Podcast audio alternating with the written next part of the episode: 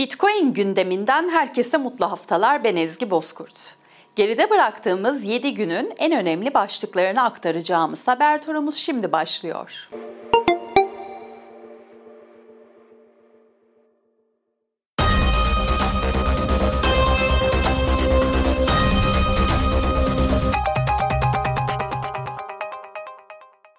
Arjantin Menkul Kıymetler Borsası CNV Bitcoin ETF'ini onayladı ve Bitcoin Arjantin'de yasallaşmış oldu. Bu gelişme ile yatırımcılar Bitcoin'in vadeli fiyat endeksine yatırım yapabilecek. Dünyanın en zengin 5. kişisi olan iş insanı ve hisse senedi yatırımcısı Warren Buffett, Bitcoin hakkında olumsuz görüşler belirtmeye devam ediyor.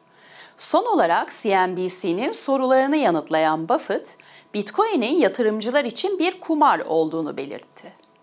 Bitcoin'in hiçbir somut değeri olmadığını söyleyen Buffett, insanlardaki kumar oynama içgüdüsü bittiğinde Bitcoin alımlarının da biteceğini savundu.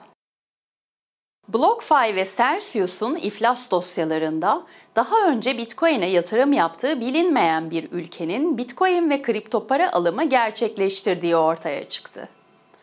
Dünyanın en mutlu ülkeleri listesinde her zaman üst sıralarda yer alan Butan'ın devlet yatırım fonu aracılığıyla Bitcoin ve diğer kripto paralara yatırım yaptığı açıklandı. Bitcoin madencilik şirketi CleanSpark, Şubat ayında gerçekleştirdiği 20 bin adet Bitcoin madencilik makinesi alımının ardından yeni bir alım daha gerçekleştirdi. Yapılan açıklamada şirketin Çin merkezli makine üreticisi Bitmain'den 45 bin adet Bitcoin madencilik makinesinin alındığı ve tüm makinelerin Eylül ayına kadar teslim edileceği belirtildi. Amerika Birleşik Devletleri'nin Montana eyaletinde meclis, Bitcoin ve kripto paralar hakkında yeni kararlar aldı. Meclise sunulan kripto paraların ödeme yöntemi olarak kullanımında vergilerin sıfırlanması ve kripto para madencilerinin haklarının korunması gibi maddelerin yer aldığı yasa tasarısı resmen kabul edildi. Tasarı Montana valisinin imzasının ardından yasalaşacak. Bitcoin gündeminin bu haftalık sonuna geldik.